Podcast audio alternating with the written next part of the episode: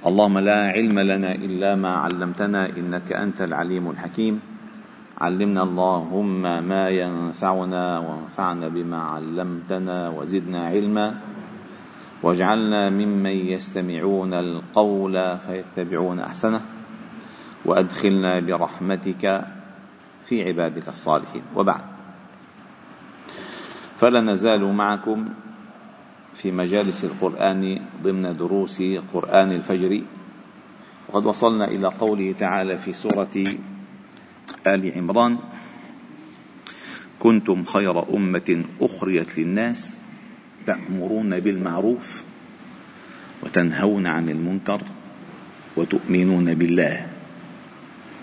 ولو آمن أهل الكتاب لكان خيرا لهم منهم المؤمنون وأكثرهم الفاسقون لن يضروكم إلا أذى. وإن يقاتلوكم يولوكم الأدبار ثم لا ينصرون. وقلت لكم أن هذه الآية الكريمة المباركة العظيمة تدل على وظيفة وقيمة وكرامة هذه الأمة. تدل على قيمة وكرامة ووظيفة هذه الأمة. فهذه الأمة خيريتها بما تقوم به من أعمال وبما حازته من مناقب من مناقب وصفات. فإذا سلبت هذه المناقب وهذه الوظيفة لا خير فيها. وأمة الإسلام أيها الأحباب الكرام أمة خير وأمة رحمة. فهذه الأمة مرحومة. هذه أمة لا إله إلا الله محمد رسول الله أمة مرحومة. ولا يمكن أن تجتمع على ضلالة. هلا عندما نقرأ هذا الحديث كيف لا يمكن أن ما شايفين المسلمين فلتين مضبوط المسلمون الآن بالأجمل بالأغلب منهم ضابطين وطن. ولكن مجموع الأمة لا يجتمع لا يجتمع على ضلالة. يعني ما بيجتمع المسلمون في العالم. من طنجة إلى جاكرتا وكل شيء في مغتربين بالعالم بأوروبا وأمريكا وبالبرازيل وهالمناطق كلها لا يمكن أن يجتمعوا على شيء واحد يناقض الإسلام. هذا معناته. ضلالة وحدة. ضلالة وحدة. إلا ما تلاقي فرقة بتقول لا هيك صح. فلا تجتمع أمتي على ضلالة ابدا. لا تزال طائفة من أمتي على الحق ظاهرين. دائما في هذه الأمة في هناك طائفة استعملها الله تعالى لنصرة هذا الدين. وهم على الحق ظاهرين. لا يضرهم من خذلهم ولا من ناواهم ولا من قاتلهم. دائما على الحق. لذلك لا تجتمع الأمة على ضلال. هلا قد تجتمع الأمم الثانية يعني مثلا بعد فترة من الأمم في أمم في أمم. اجتمعوا مثلا كانوا يعبدون تمثال معين اجتمعوا بطلنا حنروح ننتقل على الشجرة. اجتمعوا من ضليل على ضليلة هذه الأمة لا يمكن أن تجتمع مثلا أنه خلاص بلا رمضان. رمضان عم يجي بالصيف بابا في رمضان. ناخذ قرار بتأجل رمضان بكل البلاد على الشتاء لا تجتمع الأمة لا تجتمع أبدا. وقديما رحمه الله تعالى الشيخ ابن طاهر ابن عاشور شيخ الإسلام في بلاد المغرب في تونس ومات وعمره خمس وتسعون سنة. خمس وتسعون سنة. ألف كتاب التحرير والتنوير التحرير والتنوير واستغرقت آه، واستغرق تأليفه معه ثلاثا وعشرين سنة. وهو من أجود الكتب التي إن قرأتها أنت تحسب أنك تقرأ منذ القرون القديمة. في جزالة ألفاظه وسبك معانيه ورصافة الكلام التي وضعها وقوة البلاغة التي فيه. إمام كان إمام بكل معنى الكلمة. الطاهر ابن عاشور من تونس الخضراء فحينها وهذه قصة مشهورة إلى الآن. أنا عندما كنت في تونس ذكروها لي ما ذكروها لي تلاميذ تلامذته تلاميذ تلامذته عندما كان في تونس كان هناك حاكم اسمه برقيبة فقرر برقيبة أنه الصيام يؤثر على الإنتاج الاقتصادي. العمال كلهم عم يتعبوا فما منصوم لا صيام ما في صيام. خلص أنتم معذورين لأنه في في شراب. وفي تعب والشرع منه للتعب طيب فذهب أو آه، استدعى الطاهر بن عاشور وقال له أريدك أن تقول على التلفاز على الهواء على الهواء أنه الصوم آه، لا تطيقونه وعلى الذين يطيقونه فعدوا من أخرى بعدين منصوم شو المشكلة؟ فطلع على التلفاز طارق بن عاشور وقال بسم الله الرحمن الرحيم. يقول الله تعالى في كتابه يا أيها الذين آمنوا كتب عليكم الصيام كما كتب على الذين من قبلكم لعلكم تتقون أياما معدودات. صدق الله العظيم وكذب برقيبه هلا حطوا بالحبس. بس ربنا وين حطوا بعليين. فهمت كيف؟ فلا يمكن أن تشرب الأمة على ضلاله وهذا العالم يمثل ينبغي أن يكون ممثلا للأمة. فعندما يزل العالم يعني معه تزل فئات كبيرة من الناس. لذلك التركيز الآن على تشويش وتشويه العلماء. إما بالترغيب وإما بالترغيب. فإذا انتظم العلماء في سلكهم الأعوج يضمنون أن كل من يرى هذا العالم أنه هو شغله كبيرة سيسير خلفه ومغمض عينيه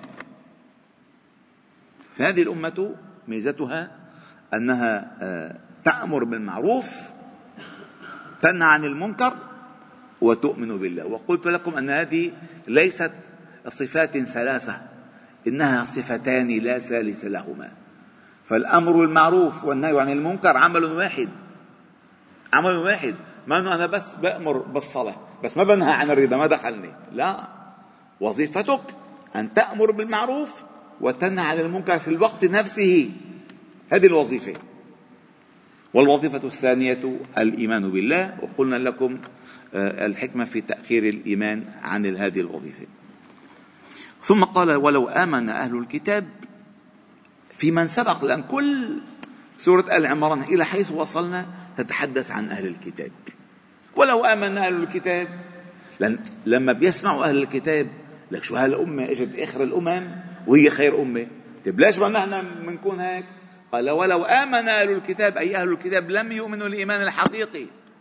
وقلت لكم أن الإيمان لا أن تؤمن كما تحب بل أن تؤمن كما تؤمر. لا تعتقد كما تهوى بل تعتقد كما نزل. فرق كبير أن تخترع عقائد تكتب لها قواعدا في في كتاب وتعلمها الناس وفرق كبير أن ترد علم الإيمان إلى الله. والراسخون في العلم يقولون آمنا به كل من عند ربنا. فرق كبير ان تعلم الناس العقائد التي هي خلاصة آراء البشر.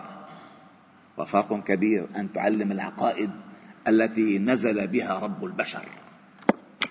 وبلغنا إياها خير البشر. فرق كبير. فهؤلاء أهل الكتاب إيمانهم ليس إيمانا يدل على ما أنزله الله بل وليس إيمانا يدل على من بلغهم إياه رسول الله عيسى عليه السلام أو موسى عليه السلام. لأن اليهود في في آيات هائلات عن فضائحهم العقائدية في سورة الأعراف قال وجاوزنا ببني إسرائيل البحر. فأتوا على قوم يعكفون على أصنام لهم. قالوا يا موسى اجعل لنا الها كما لهم آلهة. لا حلوين حلوين والله حلوين ولكن نشطين هيك بيلبسوا ثياب حلوة وكذا. اجعل لنا الها كما لهم آلهة. قال إنكم قوم تجهلون تجهلون. أنتم تجهلون لأنكم طلبتم آلهة غير الله وأنتم تجهلون لأنكم تطلبون مني الذي أمر أن يبلغكم رسالات الله أن أجعل لكم إلها. إنكم قوم تجهلون إن هؤلاء متبر ما هم فيه وباطل ما كانوا يعملون. قال أغير الله أبغيكم إلها؟ أي الرسول هو الذي يعلم الناس ألوهية الله عليهم. قال أبغيكم إلها. فإذا ولو آمن أهل الكتاب الإيمان المطلوب لكان خيرا لهم.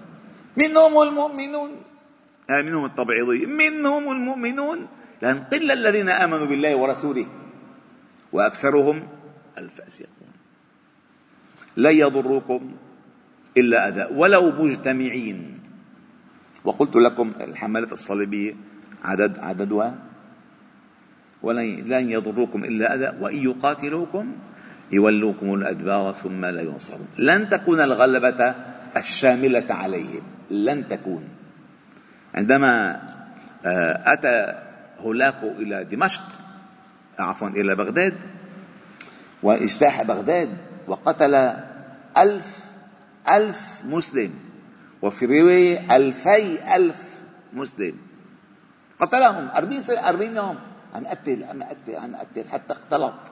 دجلة والفرات بالدم والسواد. السواد الحبر الكتب اللي ألقاها والأحمر الدم الذي ألقاه. وطلعت ريحة الناس يشموا الريحة من بعيد ويمرضوا. بريحة النتن يا لطيف. طيب نعم. هلأ المنظر الأول راحت الامه بالك الامه ليست فقط في بغداد. الامه في مصر الامه في بلاد الشام موجودة. أيقظ الله هذه الأمة وأسلم أسلم بعض المغول وهزم الآخرون في عين جالوت. عين جالوت ثم اندحر هؤلاء وأغلب ملوكهم أسلموا. لا إله إلا الله. لن لن يكون تكون لهم الغلبة أبدا. وهؤلاء وثنيون. من أهل الكتاب. قال ضربت عليهم الذلة أينما ثقفوا إلا بحبل من الله وحبل من الناس وباءوا بغضب من الله وضربت عليهم المسكنة. هذه الآية تحتاج إلى وقفة ثانية إن شاء الله تعالى غدا بعون الله وتوفيقه.